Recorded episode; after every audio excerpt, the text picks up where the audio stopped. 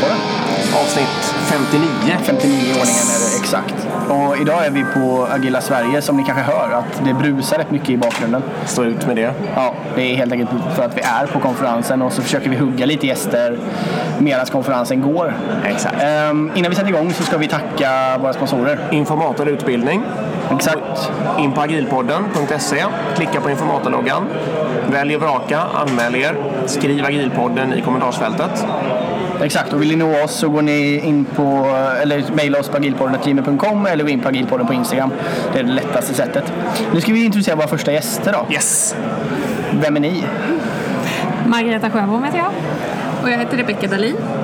Kul, och ni har precis haft ett blixttal som vi var på. Vi ska säga det, vi känner er lite sen innan också. Ja, det kan vi avslöja. ja, det kan vara så att vi har jobbat ihop. Ja. Eh, men skit i det nu.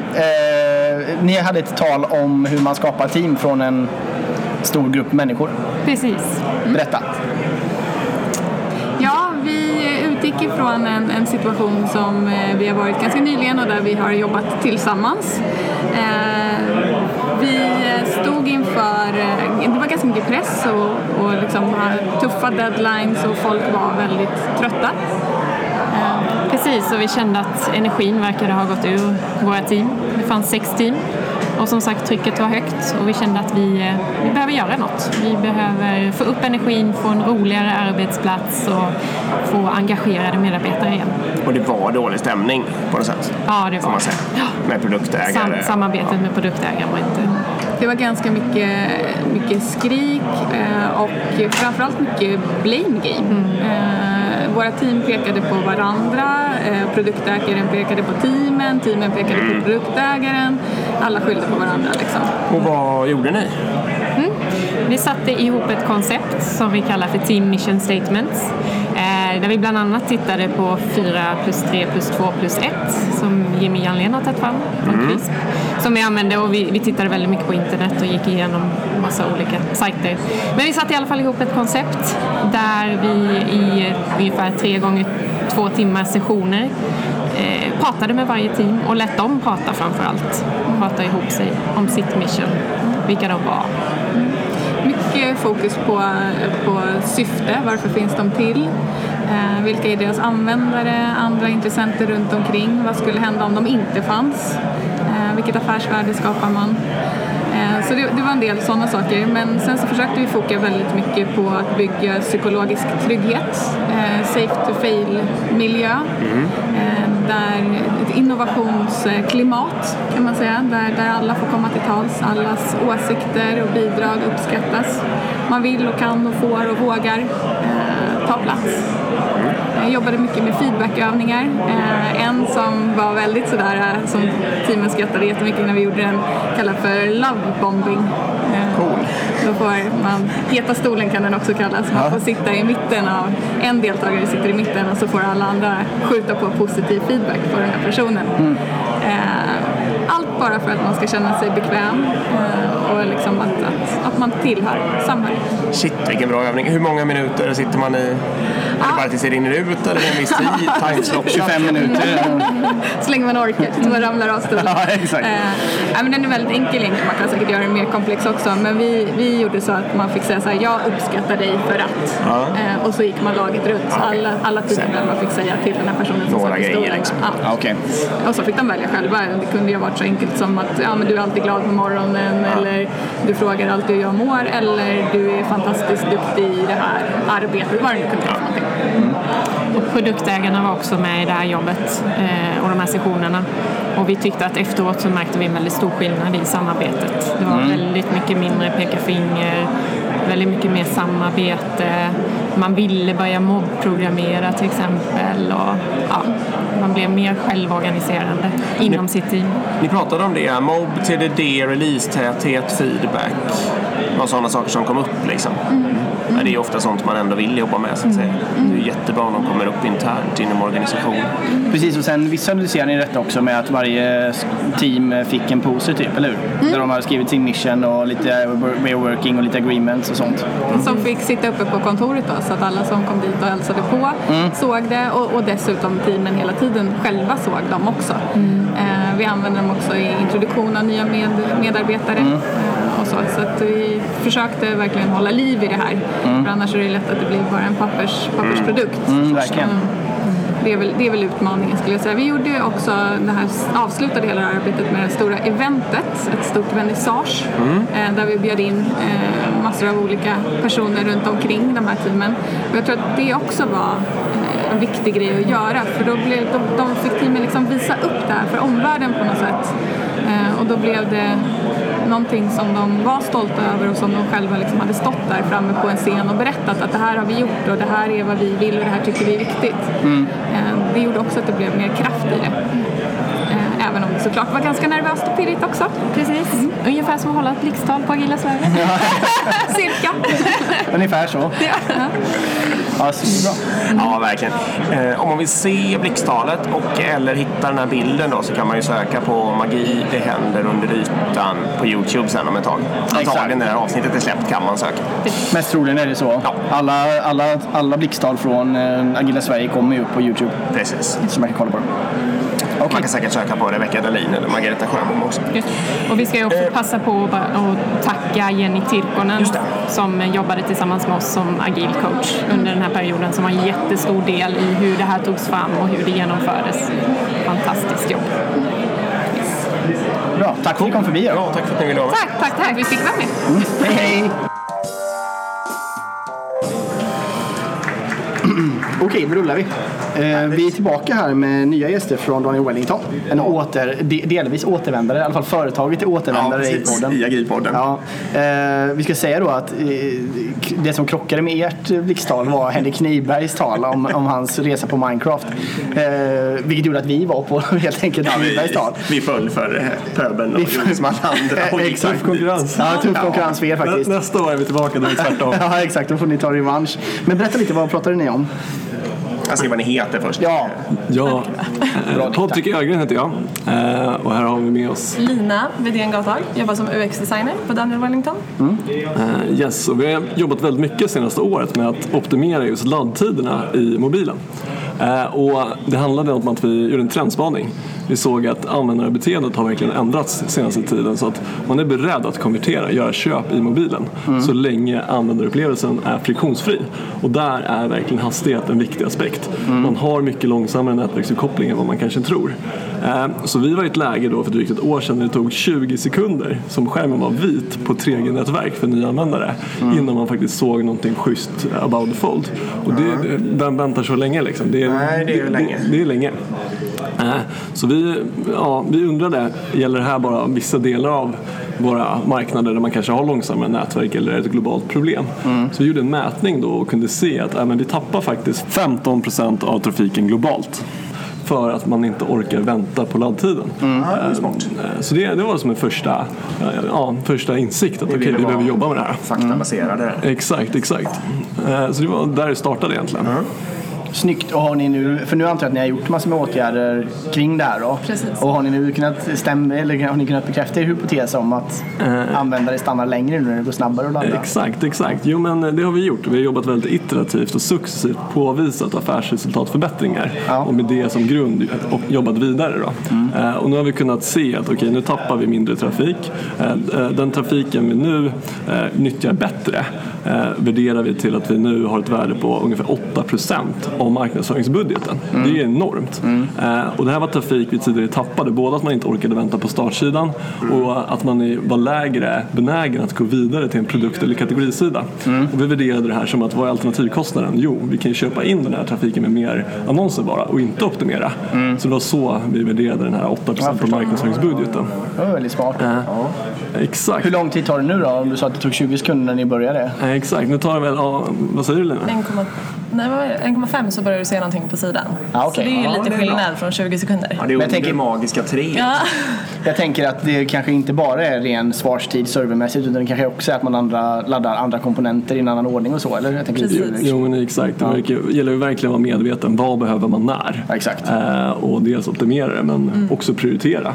Eh, och eh, vad skulle man säga att det viktigaste att tänka på är verkligen att bygga en kultur om det här i företaget. Att det inte bara är teknikavdelningen som jobbar med det. Precis. Eh, utan att man eh, pratar med resten av organisationen, får med eh, ja, eh, i, tidigt i processen så bollar man även speedaspekten. Ja, och sen så tror jag också att det handlar om att få en så här kulturell förändring. För det här är ju inte ett engångsarbete utan det är ju någonting som måste underhållas, vi släpper nya kampanjer och så vidare. Så vi jobbar ju nu med att försöka sätta det här i hela företaget. Att så här, hur kan vi faktiskt veta hur det påverkar vår sajt? Eh, Så det är ju ett pågående arbete vi har nu också och så kommer vi ha framöver också tror jag. Och hur gör ni det? Alltså hur, vad är nyckelkomponenterna i kulturresan? Jag tror att mycket handlar om så här att lära ut kunskap om det här för att kunskapen finns inte riktigt. Alltså, eh, det är många som vill ha fina bilder och fina filmer högt uppe på sidan men att faktiskt det påverkar enormt mycket. Så vi har jobbat mycket med UX-teamet då att försöka lära ut och Patrik också har jobbat mycket med utvecklarna att lära ut vad, hur, vad som påverkar. Eh, Så eh, idag så sitter vi jättenära våra online merchandisers för att faktiskt förstå vad är det som påverkar när vi laddar upp saker på sidan. Eh, vi jobbar ju också väldigt tidigt i processen när vi lanserar kampanjer och ny produktutveckling. Eh, och sen så jobbar vi väldigt mycket med våra utvecklare för att lära ut det här. Så jag tror att det är nyckeln av att man måste faktiskt dela med sig av kunskapen. Eh, Sen har vi också ett verktyg som ger larm ifall laddtiderna mot förmodan Ja, faktiskt överdrivs. Precis. Också. Så att ha de budgetarna är viktigt så att man kan agera på det. Ja, just det. Och då skulle ni märka det direkt så att säga, redan i testmiljöer? Eh, Det, det vi har faktiskt är eh, snarare i verkligheten. Så att vi på samma dag får reda på det. Och då skickas det ett larm till, vi har en process då, så att man först börjar titta vad har hänt? Är det content som man behöver göra något annorlunda eller behöver det skapas en ticket på utvecklingsteamet att förbättra det här? Eh, Det känner vi att det, det, det funkar bra. Jag är så fruktansvärt eh, imponerad och jag ser trendmässigt med att folk jobbar mer hypotesmässigt också. Alltså man bygger en hypotes utifrån vad man själv tror. Liksom. Eh, inte utifrån att man ska in och samla in krav hos utvecklare eller skapa en publik backlog eller så. Utan man, man tar en hypotes och sen att man jobbar just med datan. Att man mäter och kollar, okej hur är det idag? Och sen gör en hypotes. Om gör vi de här actionerna så kommer det mest troligen driva det här beteendet hos våra användare. Och sen ser du att ja, men det kan faktiskt påverka och att man genomför det. Det är ett väldigt snyggt sätt att arbeta på. Eh, För man måste komma ifrån den här fällan lite också att bara kolla med vad användarna vill ha hela tiden. Annars så fastnar man i det här att ja, man Ja, vill ha- mer funktionalitet hela tiden. Ja, det, det också och man vill ha en snabbare häst liksom, istället för en bil då. Ja, men, och där tror jag att det är viktigt att ha båda delarna. Eh, Som kunder vill alltid ha allt. Men sen så måste man också stödja upp med datan bakom vad faktiskt eh, siffrorna säger. Ja, eh, och så, båda delarna tror jag är viktiga. Eh, Och det är där vi verkligen kan tipsa att just att optimera laddtider är verkligen ett bra tillfälle för andra företag också att mäta hur ligger det till för dem. Eh, Vilka laddtider har de i praktiken med riktig användardata och hur mycket trafik tappar man? Eh, Och även följa upp hur konverteringen förbättras som vi har sett att vi får bättre mobilkonvertering i förhållande till desktop i- i samband med att vi har gjort de här mätningarna. Så det är väldigt, eh, ja, men det är väldigt görbart att mäta eh, och motivera det man gör. Eh, Och sen kan vi också passa på att dela att eh, någonstans tuffaste utmaningen om man vill göra en sån här resa är att vi, vi, vi hade en plattform som var en Magento 1-plattform. Det finns stor risk att många har det också för att supporten på dem, den plattformen är på väg att ta slut ganska snart. Så därför är det många här ute i dagens läge som funderar hur man ska ja, attackera det här. Vilken e-handelsplattformslösning vill man ha? Och där, där lyckades vi ändå skapa en brygga till Magento 1 så att vi kunde skapa oss en frihet att bygga en ny frontend-applikation i React som hade bra nivå av speed från början. Eh, och det var egentligen ett grundkrav för hade vi inte gjort det hade vi behövt ha med speed-optimeringarna eh, i, i hela e-handelsplattformsprojektet som hade tagit lång tid. det innan det hade, eller hur? Ja. Eller hur? Scope creep eh, deluxe liksom. Och det hade tagit lång tid innan kunden såg något värde. Så i och med att vi skapade den möjligheten kunde vi först lansera en startsida i Spanien, successivt jobba vidare med att Ni lansera. kunde iterativt ta fram det. liksom. Exakt, så nu har vi produkt och kategorisidor i globalt eh, live. Och det, det var verkligen någonting jag rekommenderar också, att attackera det på det, den aspekten. Grymt. Ja, Bra. Tack för att ni kom. Ja, Nu får vi springa vidare jättemycket. Tack för här. att vi fick komma. hej. Ha det bra, hej hej.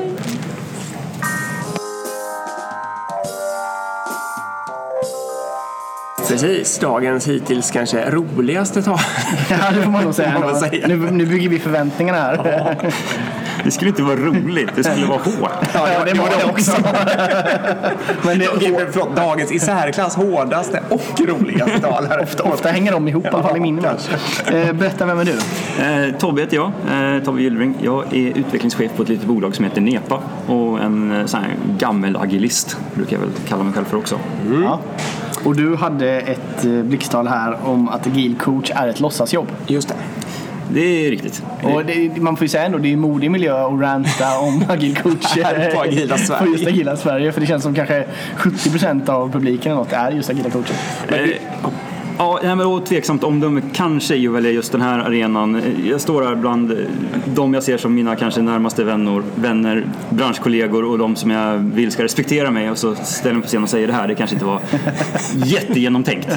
Berätta, vad, vad, vad sa du? Kan du gå igenom lite vad, vad var dina poänger? Så min, min stora tes egentligen i det här, det är ju att Agil coach har gått från att vara inspirerande rebeller och en väldigt viktig funktion till ett fullständigt låtsasjobb. Det, det, de har gått till att bli lite som en mysig mormor eller en lekledare eller så här, ja, men, och de får mandat att förändra organisationer och arbetssätt och tycka en himla massa men saknar idag skin in the game. De, är inte, de behöver inte ta ansvar egentligen för någonting de tycker utan de får bara en himla massa härliga möjligheter till att göra grejer. Har du varit agil coach? Jag, jag har aldrig sett mig själv som agil coach. Jag, jag, jag har sett mig som så, agil förändringsagent, men alltid inifrån. Jag har alltid förändrat på den plats jag varit. Ja, Och sen så har jag varit ute och talat om det, men jag har inte jobbat som eh, just agil coach. Inte, nej, inte som konsultande agil coach så att säga. Nej. Men, men ja, det här kan man ju se. Men jag sa ju till dig Erik alldeles nyss att jag tycker att hela min, mina dagar nu på jobbet är mycket att jag själv går runt i agil coach i min egen organisation. Precis, men det är också en skillnad. Eh, Ja, det- Men för du har ju stake i det så att säga, för du Ja. jobbar ju där också. Jo. Men eh, det jag tänkte på, just din, din jämförelse med mormor där var ganska bra och rolig och slående tycker jag. För du sa lite att de kan liksom ta barnbarnen när det passar lite. Ja. De kan liksom Ja. mata fullt med godis, Ja. göra de enbart roliga sakerna. Gå på tivoli. Ja, och sen när liksom magen kniper eller en förkylning kommer så är det bara tjopp tillbaka och sen ja, kan man Precis. bara åka och göra något annat, fika med sina väninnor eller något. Liksom. Jo. Och det är lite den jämförelsen jag gjorde med agil coach också. Att det finns inte något ansvar. Eller, Det finns inget bestående ansvar i det. Och, och det kan man väl säga kanske också är en sån här grundtes i det här att ja, men när vi är inbäddade i vår egen verksamhet, det är lite så här vi har kunnat etablera att management det är för viktigt för att liksom lämnas till de som är managers. Men på samma sätt så tycker jag att agiliteten är alldeles, alldeles för viktig för att lämnas till någon som går runt med en agil coachhatt. Eh, Vi måste vara ansvariga för det vi gör och vi måste faktiskt kunna se hela, hela bilden eh, för att kunna göra någonting. Ja. Jag är sjukt nyfiken på en sak. Hur, när du liksom förberedde det här och skulle välja den här nivån av hur krispig du skulle vara. Hade du någon, hur gick det till? Eller eh, fanns det någon lite softare version av det här? Eller kände du att nu jävlar ska jag ta i? Ja, den, frustrationen har funnits ganska länge. Den, den, det första, förstår jag. den första varianten av talet eh, var väldigt mycket mjukare. Eh, den hette faktiskt eh, Din agila transformation är en hägring. Eh, Vilket är lite mjukare i alla fall. Oh ja. ja, det Eh, får man säga. och, och sen så var det en eh, god vän eh, och kollega som sa det att ja Tobbe det där är ju jättefint men ska folk höra dig så får du ju säga det du egentligen menar. Ja, okej, du fick coaching där ja. Precis, och coaching är jätteviktigt. Ja. Ehm, och då krispade jag till budskapet lite och sen så, det, tar ju, så här, det är tio minuter men Ja. det tar ju ganska mycket tid att få de här tio minuterna. Man måste ju leva med dem väldigt Ja, mycket. ja. Och för varje gång jag gick igenom det så hittade jag mer och mer så här, ja men det är ju det här jag egentligen känner och det blev kanske direktare och direktare Ja, och sen Växt- landade vi här. växte fram. Det växte fram. ja. Det märktes ju verkligen att du tyckte det du sa, absolut. Precis, du gjorde också ett, eh, ett, ett eget manifest, eller ett agil Ett, ett uppdaterat manifest. Ja. Ska vi köra det helt Ja, enkelt? ja, vi kan köra det. Ja.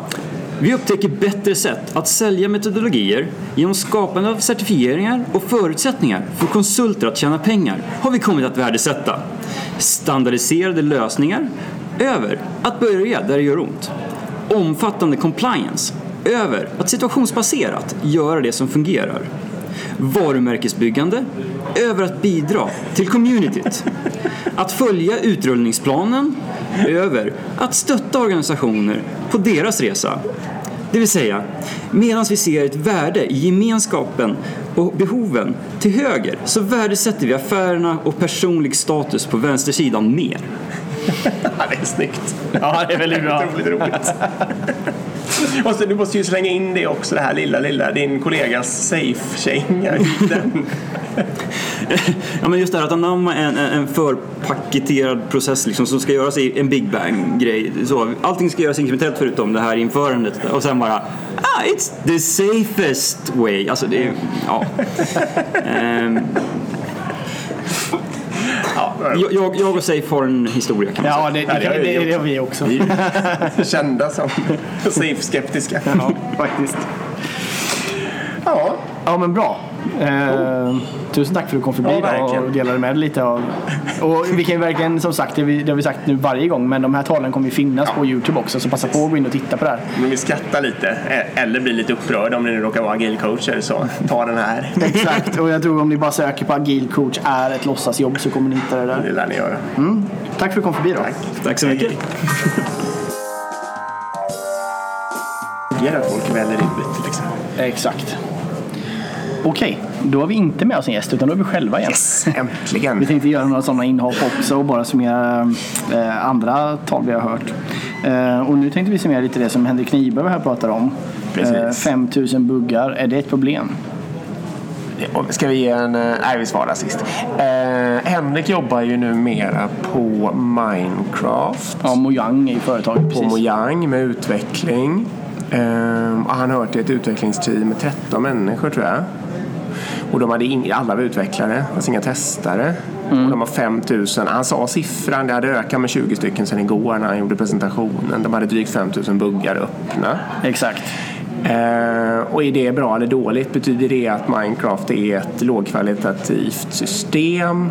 Vad tycker användarna? Och så vidare. Sen, eh, och så ganska snabbt kom fram, han visade ju också massa bilder på hur mycket 5000 är. Det är ju verkligen skitmycket. Eh, Det ganska mycket. f- 5000 punkter på en powerpoint var ju verkligen Ja, mycket. jättemånga punkter. Eller små bilder på buggar.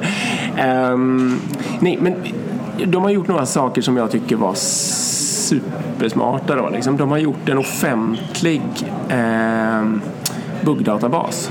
Så alla människor i hela världen som reggar sig tror jag, men dock vem som helst kan regga sig och rapportera in vad som helst. Och sen hade de utsett någon slags moderatorer på den där, eller hade de utsett sig själva? Ja, oklart, men i alla fall det fanns moderatorer på den där och de moderatorerna kunde ju då slå ihop, alltså ta bort duplikat och sånt där och lägga till info och såna där grejer. Och sen var det helt och hållet upp till utvecklingsteamet själva att bestämma vilka som var viktiga. Ja, vad de skulle åtgärda. Eh, och det skapar ju någon slags... alltså, Man tänk Wikipedia tänkte jag. Alla kan bidra, alla kan jobba huller om buller men community tar någon slags totalt gemensamt ansvar så att de spårar det ur så liksom... Då blir ju, maj- ja inte majoritet, men då är det en massa smarta människor som kommer gå in och fixa så att det inte spårar ur liksom. Eh, Det är ju nära open source fast källkoden Ja, inte nej. utan det är bara open source på Exakt. backloggen. Och han sa ju det också det Henrik att liksom om man har en intern backlog bara då kanske man inte ska ha 5000 items i den. Alltså om man har ett team som själva enbart Nej. själva producerar saker in i backloggen. För det kommer vara ett helvete att prioritera och saker kommer bli gamla och det kommer finnas massor med duplikat. Ja, ni vet. Så då kanske man ska städa och slänga gamla saker och hålla den kort och sådär. Men just att ett annat sätt att lösa det är ju då att är ju då att köra eh, den helt publikt och låta det bli en community-driven Ja. sak. Liksom.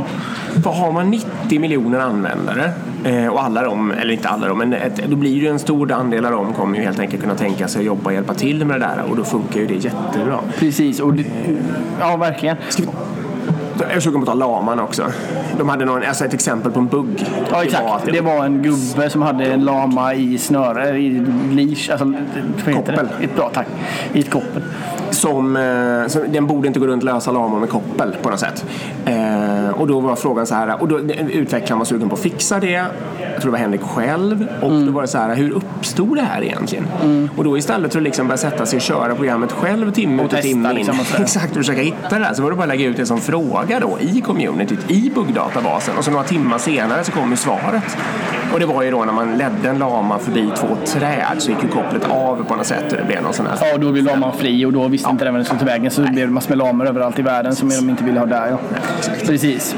Nej, det är ju det är ju skitsnyggt Ja. sätt att använda community till för att de behöver då inte sitta och refina grejer själva utan de är ganska, och vi, han visade några exempel också på sån här, de använder Gira då, på några sådana skapade tickets så man kunde ju verkligen se liksom, så här återskapar man det, i det här fallet händer det. Så det är ganska snabbt lätt att ut- för utvecklaren att gå och fixa det liksom.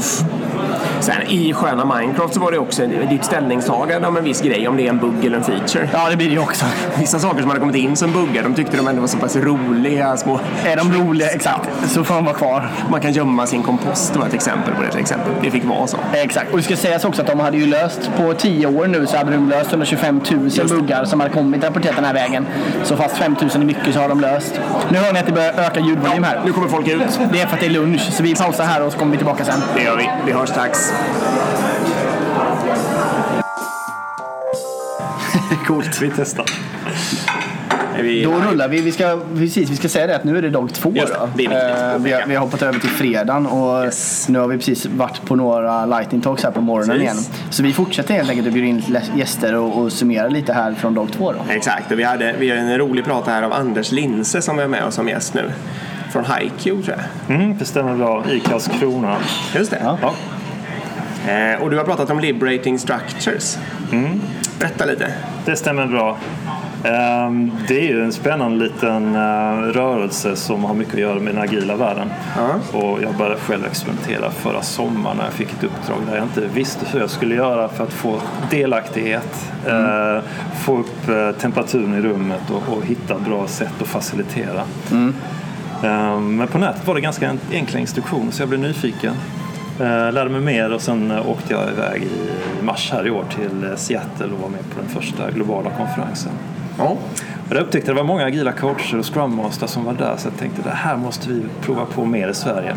Ja. Ehm, Så jag tog mig kragen och berättade lite här precis på i ett blixttal då. Ja, det var jättespännande. Och det är en, ja. det är en metod, eller hur? Eller liksom en, en, ett sätt av metoder. Ja, kan man säga. För att skapa en mer eh, löskopplad och självtänkande organisation. Eller vad är liksom... Ja. Den är, den är ju lite eh, svår att omfamna för det, det hand, och det är egentligen eh, vanliga grejer som de har gjort lite twist på. Men eh, man brukar ta det här exemplet eh, bikupan.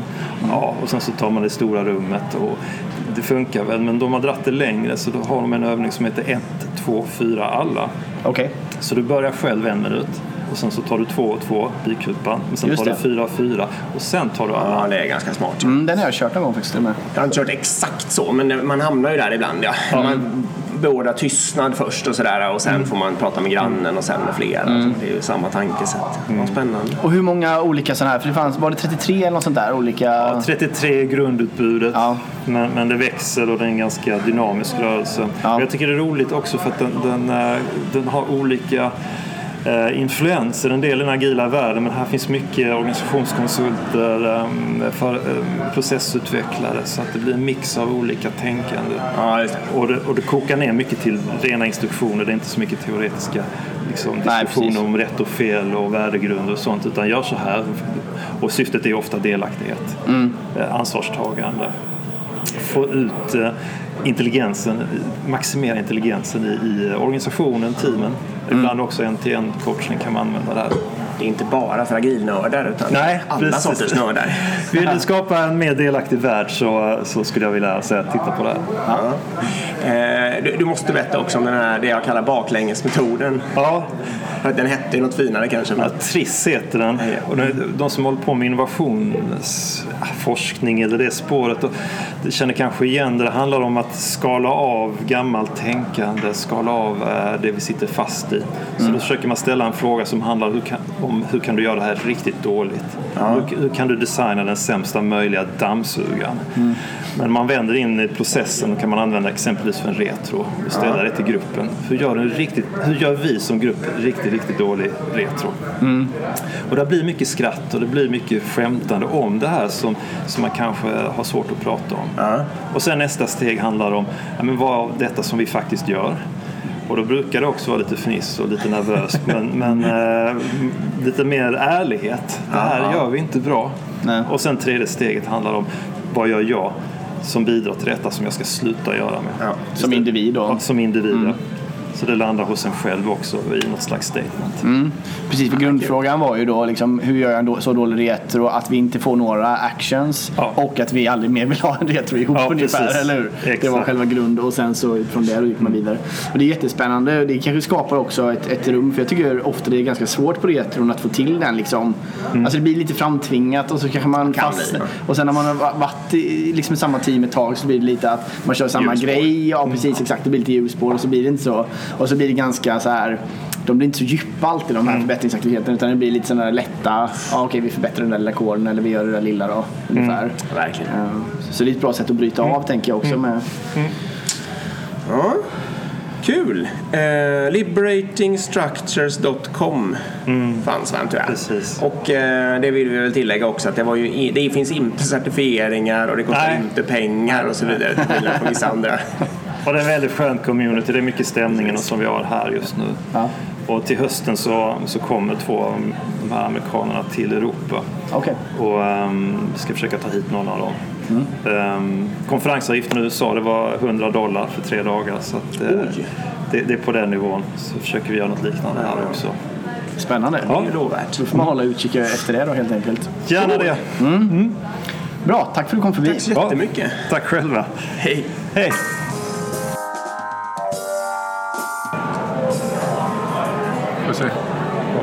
Då är vi tillbaka, då är vi tillbaka igen då med Ja. nya gäster här. Avanza. Ja, precis. Eh, Ni är inte återvändare i podden, men företaget i sig är återvändare.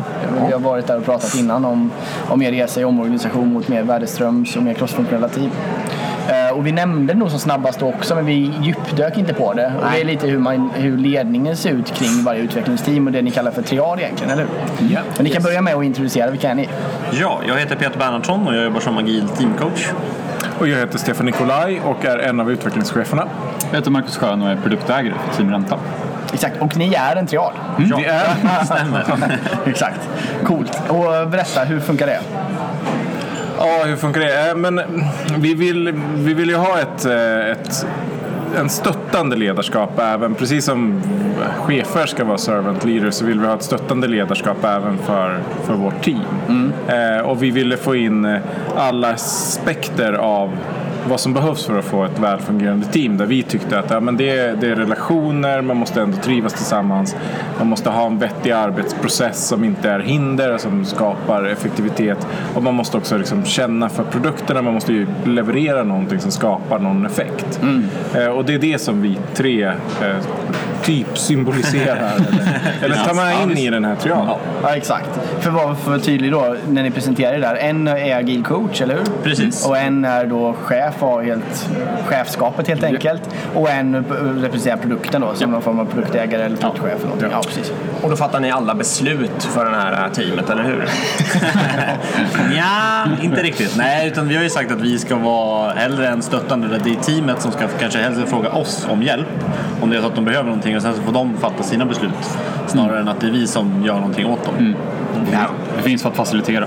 Ja, precis. Vi faciliterar deras resa snarare än att göra resan åt dem. Har ni fler, har ni, är ni triad för ett, ett team eller för flera team? Ja, Varje team har en triad. Ja. Eh, Så vi är ju en av många. Jag ingår ju i flera dock till exempel. Eftersom jag jobbar med flera team så har jag, Ja. sitter jag i andra triader också. Och samma sak med Jag som cheferna. utvecklingschef har också flera. Men eh, Marcus som produktägare har ett team. Ja, det är så det funkar. Okej, jag förstår. Precis, och som agilcoach, ja, då blir det ju bara helt enkelt att man är med i flera sådana här. Som utvecklingschef, har, har du, vet vilka medarbetare, jo de, eh, du är chef över ett specifikt antal medarbetare och de kan vara utspridda över alla möjliga team, visst är det så? Ja, vi har ju, mm, vi har ju både ett, ett delat chefskap, personalchefskap för utvecklare och QA, vi, alla vi utvecklingschefer. Ehm, och sen har vi ett, eh, i våra team så är det ju flera kompetenser där personalansvaret har jag bara för de som är utvecklare och QA, för det är de som tillhör utvecklingsavdelningen. Eh, Så det finns ju andra chefer som har personalansvar för till exempel Marcus har en annan chef. en Ja, annan men, men jag tänkte mer så här, du har medarbetare även som inte är i team räntor. Ja, ja, De kan vara lite huller om buller. Yes, yes, Eh, Ni det låter inte teamstrukturen följa den. Nej. Nej, precis. Det. Men du har ju ändå hela team, så att säga. Ah, Okej, du har, hela, har du alla medarbetare i Nej, det är ju det jag inte har. Som, Nej. Är, som är utvecklare och, utvecklare och QA? Nej. Nej, jag, jag, jag har inte för i hela teamet. Har jag inte. Nej.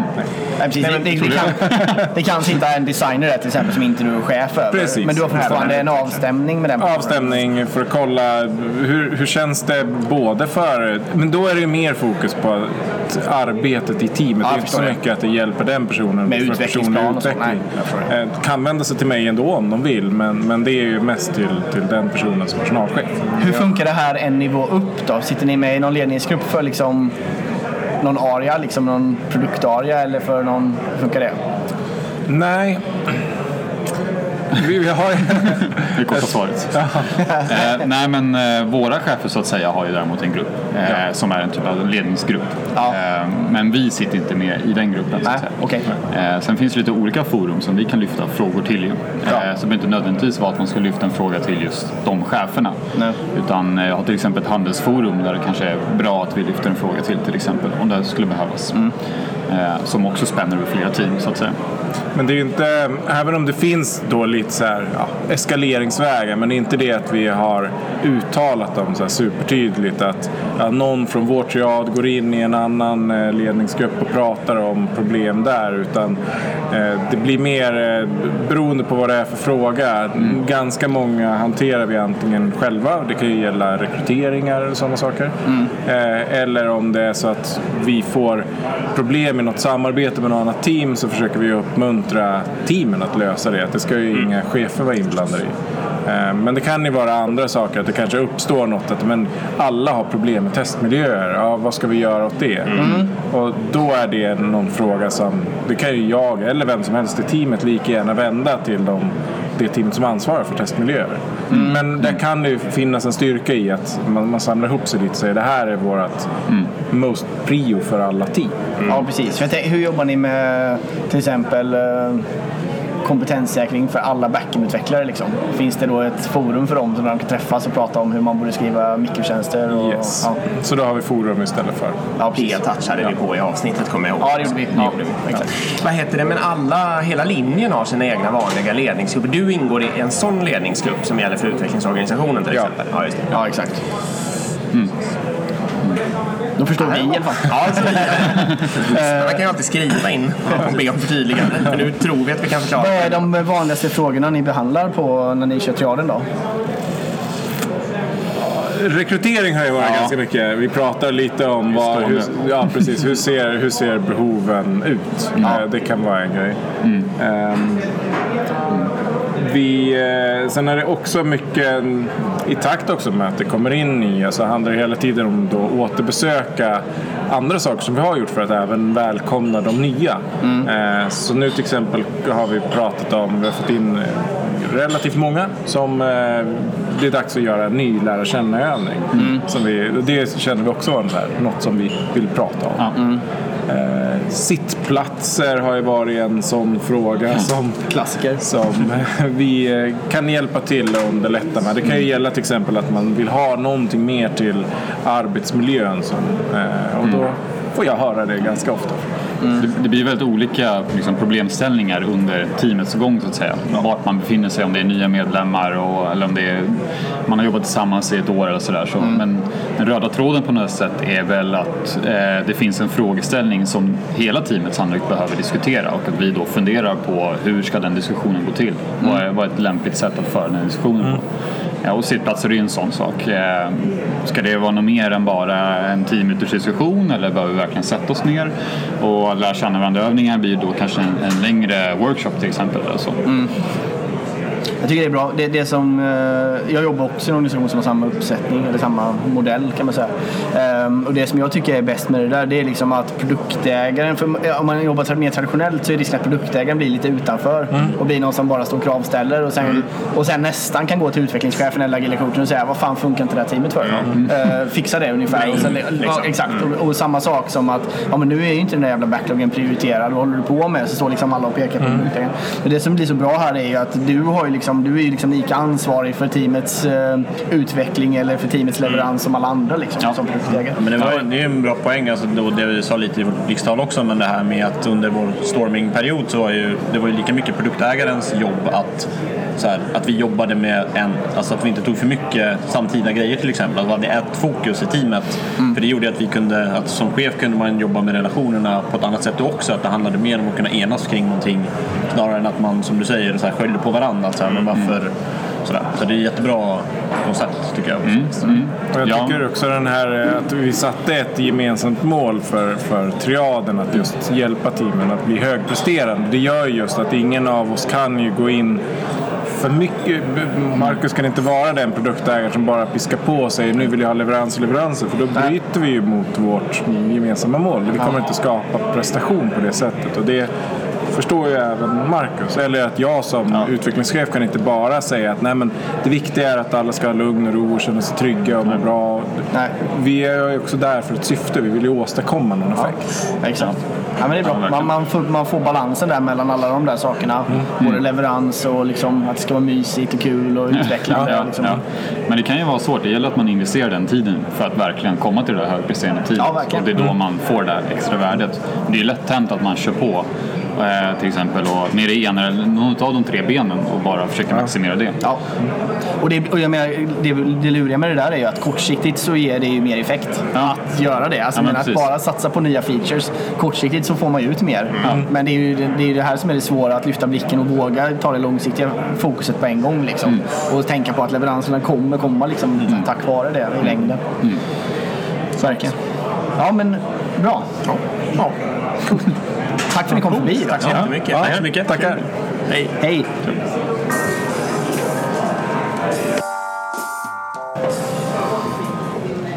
Spelar vi in? Då är vi tillbaka ytterligare en gång. Undrar hur många gånger vi har sagt det nu. Så här, vi är tillbaka. Men de, så är det. De har vant sig nu. Det är lite konceptet med den här podden. Upprepa sig. Ehm, ja, exakt. Det är, lite det. det är lite så vi jobbar. Nej, men just det här blir ju väldigt många små korta moment. Men, men, men nu är vi tillbaka i alla fall. Nu har vi Kimberly Lejon med oss från Folksam. Stämmer, hej! Du pratade Safe. Det gjorde jag. Och, och med lite positiv touch också. Och så, och så är jag eran podd. exakt, exakt. Så vi tänkte att nu ska vi, vi ska visa vår journalistiska integritet här och släppa fram lite positiv safe också. Eh, ja men precis, vill du berätta lite vad, vad du pratade om? Eh, nej, men jag pratade om Folksams resa, hur vi har eh, skalat vårt arbetssätt med hjälp av Save-ramverket. Och mycket utav fokuset i mitt tag låg kring människofokuset i den här resan. Nej, men jag berättade om hur vi egentligen med hjälp av Safe kanske primärt inte ökade vårt kundfokus men däremot så ökade vi fokus på varandra och vi hittade varandra. Så vi hittade egentligen mellan chefer och medarbetare och eh, mellan olika team och olika organisatoriska enheter hur vi vid de här olika eh, momenten som Safe har, till exempel en PI-planning. Ja, Säg, säg det, vad är en PI-planning? En PI-planning är när du trycker in alla möjliga olika människor i ett rum i eller en fysisk samlande yta i två dagar och lägger en plan tillsammans de närmsta 10 eller 12 veckorna. Typ som en sprintplanering för ett team fast du har skalat ett team av teams. Exakt, Jag skulle säga det, för vi, prat, vi pratade om det efter vi var ju och lyssnade på det här talet också. Och, just om man har en organisation där man har typ verksamhet IT och de typ aldrig träffas utan de kanske bara träffas när man ska ha vissa beslutspunkter i en projektplan och så vidare. I bästa fall. I bästa fall. Så, så är det klart att det blir en, en, en drastisk förbättring om man helt plötsligt har en hel dag i samma rum. Liksom. Eller två. Ja, Ja. Bara, bara en sån grej gör ju såklart att allt blir mycket bättre. Ja. Oberoende av ramverken. Ja. Det var ju otroligt, eh, nu, om ni försöker se en, eh, vad var det, var en whiteboard-bild va, med massa olika post-it-lappar på och det kanske Men, var ja. så här 15 gånger 10 post-its eller något sånt där och så hade ni dragit upp beroendestreck. Ja, var det stämmer. Vi hade skapat en programtavla, ja. Ja, och det var ett riktigt spaghetti. Mm, Alltså, det var- koftan. var- Det, blev, det blev en filt. Ja, det var en film nästan. Alltså, det ju Röda garn. vara i många tiotal streck på den där. Jag har faktiskt inte räknat dem. Nej, men, typ så. Och jag ser att det måste ju vara otroligt intressant för alla människor att begripa det. Att så här många är inblandade i den här leveransen och så här himla många beroenden är det. Och det, jag vet inte, nu kanske ni inte har gjort något åt det än, men det måste åtminstone öka chansen att någon vill minska det kanske. Ja, men definitivt. Och det som vi faktiskt gjorde var att vi skapade ett ganska kraftfullt visuellt verktyg, den här programtavlan som består av egentligen våra leverabler, våra features och enablers, våra Mm. beroenden och rosa lapparna, de här garnnystarna Mm. emellan featurerna och enablerna, milstolparna och sen olika teamen hade de här swimlanesarna, eller raderna på den här Mm. tavlan. Och vi hade till och med, alltså våran, jag tror våran VD gick förbi där och tjuvkikade lite grann men vi höll på och bara, vi måste göra någonting. Så det är verkligen ganska tydligt nu, alla pekar åt samma håll och samma riktning. Vi måste minska de röda trådarna, vi måste är så. minska våra beroenden. Det är så. Det, det är ju alltid bra att visualisera, visualisera saker. Eh, och att just göra det då, att visa här är alla våra team och vi- alla de här jag har de här beroendena för att vi ska göra de här leveranserna. Ja. Det gör ju att man på en gång ser då att okej shit, det här kanske inte är en hållbar modell så som vi jobbar idag utan vi måste liksom hitta något sätt att förändra det här på. Ja. Nej, men precis. Nej, min, nu kanske du nästan sa det Erik, men min största take på hela det här är ju att om om jag nu ska säga något positivt om Safe då, så är det på något sätt att om man kommer från ett läge där antingen verksamheten eller för den delen den egna organisationen inte ens riktigt vill börja prata i de här termerna. Då inser jag ju att Safe antagligen kan vara ett fantastiskt sätt att skapa en grundtrygghet, att det finns lite ordning och reda de här grejerna så att man liksom får ner dem vid bordet eller i workshopen eller vad det nu är och kommer igång liksom. Mm. Men det blir en stepping stone mer än ett slutläge egentligen Precis. skulle jag säga. För att du måste börja någonstans. Och precis som du säger, om du har ett väldigt stort bolag och du har fördelat dig inom bolaget inom de här olika IT och affärssegmenten och så har du skapat massa undersegment där under och du har hamnat ganska långt ifrån varandra egentligen. Och det är vi tillsammans som jobbar med leveransen. Då skulle jag ändå säga att Safe är ett bra första steg för att tvinga, låter ju lite hemskt, men tvinga folk att möta varandra Ja, inom våga. hela kedjan. Ja. Våga kanske. Sen ska jag inte säga att det är liksom där vi ska sluta utan det blir mer en stepping stone vidare till någonting annat. Det är en start på en agil resa helt enkelt. Ja men ja, exakt. En gemensam agil resa. För Mm. många agila resor brukar annars ta plats kanske bara inom IT-organisationen. Mm, väldigt sant. Och sen tar det, tar det stopp när man ska väl Exakt. börja göra på verksamhetssidan. Det börjar krångla Ja, rejält. det börjar krångla rejält. Exakt. Ja. Ja men kul. Ska vi känna oss nöjda där? Ja, kan vi göra. Tack för att jag fick dela med mig. Ja, tack för att du kom Tack för att du kom. Ja. Och tack för att du talade också. Ja, verkligen. Ja, Bra jobbat. Okej, tack tack. Tack. Hej. Okej, då är vi med en avslutande gäst då faktiskt. En arrangör. Arrangör till och med, exakt. Välkommen. Tack så mycket, trevligt. Vem är du? Jag heter Jagernat, kallas för Jagge. Som sagt arrangerar Agila Sverige, jag har gjort det nu ett par år. Mm. Eh, Agila Sverige är ju en konferens som har hållit på i 12 år nu. Mm. Det är ganska länge. Ja, det är ganska länge. Och mycket har hänt på den tiden. Ehm, både i communityn men också hur konferensen ser ut storleksmässigt. Sådär. Och du hade varit med i halva den tiden ungefär? Ja, jag tror att det är sex år nu och eh, jag har varit nog med deltagare i tio år. Men arrangerat eh, för de senaste sex åren. Mm. Coolt. Och vad, om du snabbt skulle få beskriva hisspitch på Agila Sverige? Ja, nej men den är, vi försöker skapa en konferens eh, som vi själva vill gå på. Det är vårt syfte. Så vi, tror vi försöker skapa eh, interaktion och samtal och bryta barriärer mellan, mellan individer snarare än kanske lära sig jättemycket på det sättet med stora. Vi, vi försöker jobba väldigt mycket med eh, snabba små eh, tal som vi kallar för lightning talks, eller blixttal, som är tio minuter. Eh, och ser det som en tapas. Man blir intresserad. Och sen kan man gräva sig ner, ner mer runt open space. Och det här gör också att vi får väldigt många talare plats på, på, på de här två dagarna. Så vi har ju mellan 60 till 80 tal, beroende på hur många trycker in. Vilket gör att stor procent av deltagarna är också talare.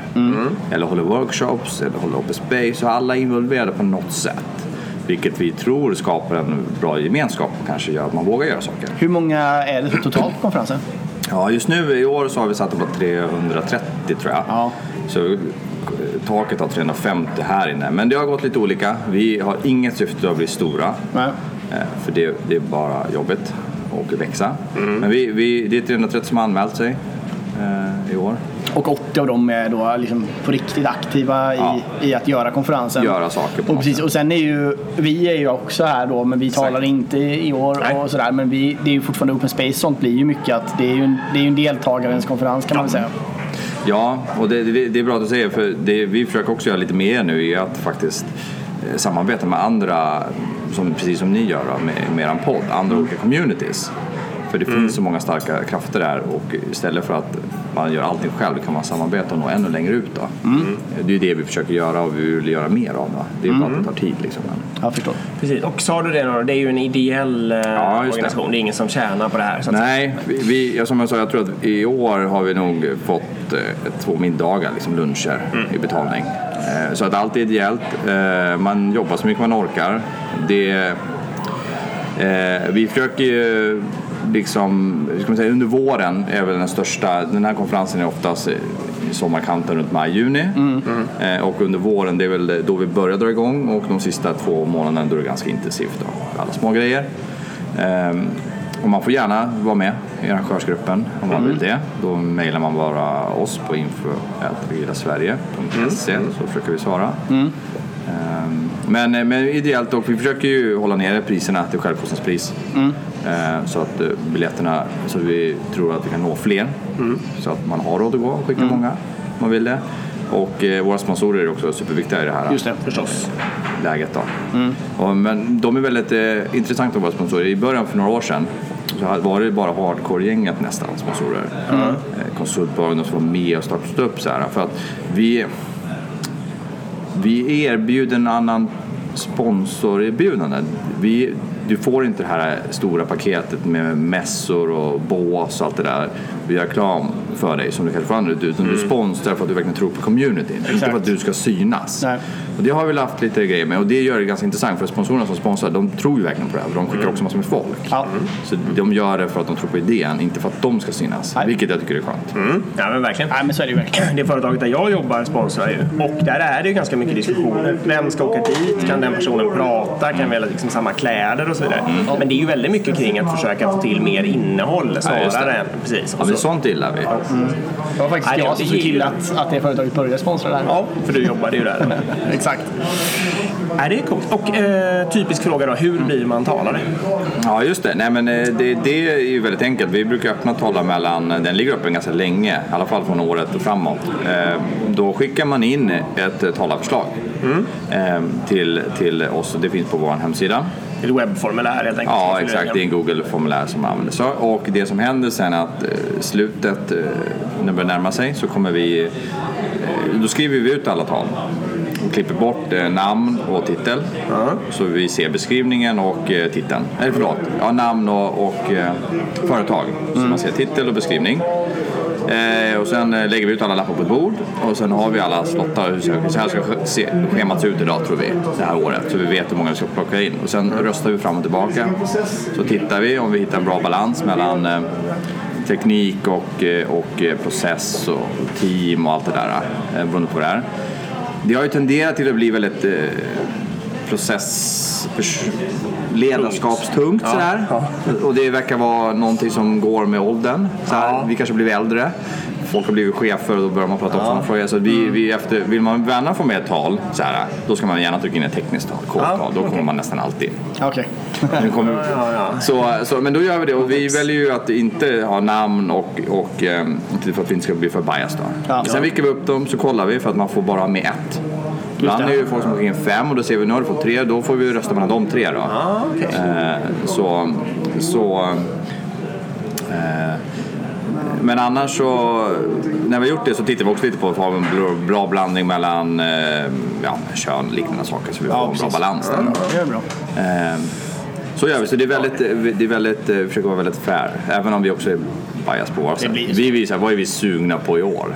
Jo. Så ibland får man säga så här, men det kanske någon annan som lyssnar på det. Bara för att vi är nöjda med det här så kanske betyder att det finns ju nya som vi inte har hört det här förut. Så man får ju hitta en balans där. En annan grej som jag måste säga är sjukt bra det är att det finns en feedbacktavla i entrén. och vi testade igår faktiskt. Då var det ett problem att, eh, för det går ju två parallella tracks hela tiden ska Just det. sägas. Och i ett av tracksen så måste man gå in och ut i rummet och passagen är ganska trång Just det. liksom. Eh, Och då var det någon som skrev att eh, vi borde liksom borde göra någonting för det, det tar tid att förflytta sig mellan rummen. Och då skrev vi lösningen. Nej, Då, det var ju ett du sa. Och sen, Ja. sen två var ju att arrangör, någon arrangör frågade någon som en idé på hur. Och då så skrev Erik eh, tejpade pilar. Gör lanes liksom i marken. Lanes. Ja. Och sen kanske tio minuter senare så var det det. Ja, sen när vi gick nästa blixtdag så var lanesen i marken. Ja, och då stod det funkar det bättre. Ja, exakt. Den här ligger faktiskt på våran, alltså Agilpoddens Insta. Ja, vi la upp en bild på det, ja. Fotad, Mm. Exakt, både lanesen och, och eh, feedback då. Säg. Nej men alltså, precis som den här feedbacktavlan har blivit väldigt intressant för den är en väldigt levande tavla. Just Mm. att man svarar på varandras Ja. frågor. Och det ibland blir lite roligt och ibland blir det så här, ja men det här gör så här istället. Vi behöver inte ens svara på dem ibland. Nej, jag vet. Nej, det, det, det, är det är superkul. det är det som är så jävla bra. Att Ja, deltagarna kommer med lösningen också. Sjukt liksom. inspirerande. Ja, det är väldigt, väldigt bra. Sen, sen eh, vad kan man säga mer? Jo men vi är ju också, vi tycker det är väldigt kul att eh, vi kör, alltid kört ganska mycket att vi spelar in. Mm, det. Eh, och vi kör, de är superduktiga, de har alltid använt. Och eh, då, det blir proffsinspelning tycker vi. Då, stämmer med- ju. Nej, men det blir- Så det är kul att titta sen för det är inte alla där man får komma hem sen och titta på sin egen eh, presentation. Nej, det kan vara väldigt värdefullt att se hur man gör det då som talare. Och vi försöker då eh, hjälpa folk att komma upp som första gångstalare. Då. Hitta en, hitta en Man kan säga många saker. Först och främst är det ju parallella, två parallella sektioner så man kan ju max se hälften av allting om man eh, håller sig vaken här. Så att om man vill titta på andra halvan så är man ju redan där tvungen att titta på nätet sen. Ja. Och det är Youtube som det ligger, varje prata ligger som ett separat klipp. Men Ja, det finns exakt. playlist som sätter ihop Vi, det. tror sätter, vi sätter upp playlist snart efter dagen. Det kommer att vara playlist för året och sen, sen är det varje klipp. Och, och det är som sagt, vi har ju ganska högt tempo också så att man får ett bra flow. Mm. Men så, folk är superduktiga på att ta sig. Det är två minuter mellan rummen. Mm. Eh, Det funkar eh, förvånansvärt löser bra. det ganska bra. Gör det faktiskt. Eh, sen, eh, vad kan man säga mer då? Vi, eh, open spacen är ju, är ju of- oftast väldigt uppskattad, lite olika. Eh, vissa tycker det är superkul och vissa vill gå med på workshops. Eh, Mm. och det är no- workshop var ju någonting vi implementerade för ett par år sedan. Mm. Eh, för att folk kände att open spacen flöt iväg för mycket. Folk gjorde andra saker. Mm. Ibland gör de det. Så det är så här, vi gör två varianter då, som verkligen inte orkar köra open space just nu. De får en strukturerad workshop istället. Som är fördjupning. Just det. Och det är eftermiddagen egentligen på båda dagarna. Alltså förmiddagen är ju lightning talks och sen på eftermiddagen så är det open space eller workshop kan man säga. Exakt. Och sen avslutas det varje dag med lite nya lightning talks. Ja. Det är konceptet. Precis, och vi kommer ju påminna i podden också fram, framöver. Det brukar vi göra. Att ni ska anmäla er hit. Så, och det brukar inte, problemet brukar inte vara för hit folk heller tror jag. Det brukar bli slutsålt Nej, ganska fort. vi, vi har lite problem med det. Ja. Det är lyxproblem. Ja. Eh, för det är mycket frustration Ja. att det inte finns biljetter. Eh, jag önskar att vi kunde ha löst det för alla. Ja, det är så. Eh, men ja. Så Det, det- är ju en peppig faktor att man, om man inte har kommit ihåg att anmäla sig så kan man istället anmäla ett tal och komma med vägen. Ja, jag vet. Det var någon, jag, jag träffade Jan Grapa, han sa det. Jag glömmer alltid anmäla mig så varje gång måste jag skicka in ett tal för att få komma hit. Ja, det var ju så jag kom hit i fjol, jag var inte anmäld. så här typiskt honom. Hittat buggen. ja, exakt. Eh, All right. Ja, men bra. Vi tar Ja. väl och avrundar där tror jag. Ja, det tycker jag. Eh, tack, för, tack för att ni har lyssnat. Och tack informator också ska vi säga. Just Eh, och vill ni någonting eh, till oss i Agilpodden så finns vi i Agilpodden på Instagram eller agilpodden.gmail.com. Precis. Tack Agila Sverige för fantastiska Ja, verkligen. Och tack för att vi fick vara här också. superkul. Hoppas vi ses nästa år. Ja, absolut. Det gör vi. Det gör vi. Tack. Hej.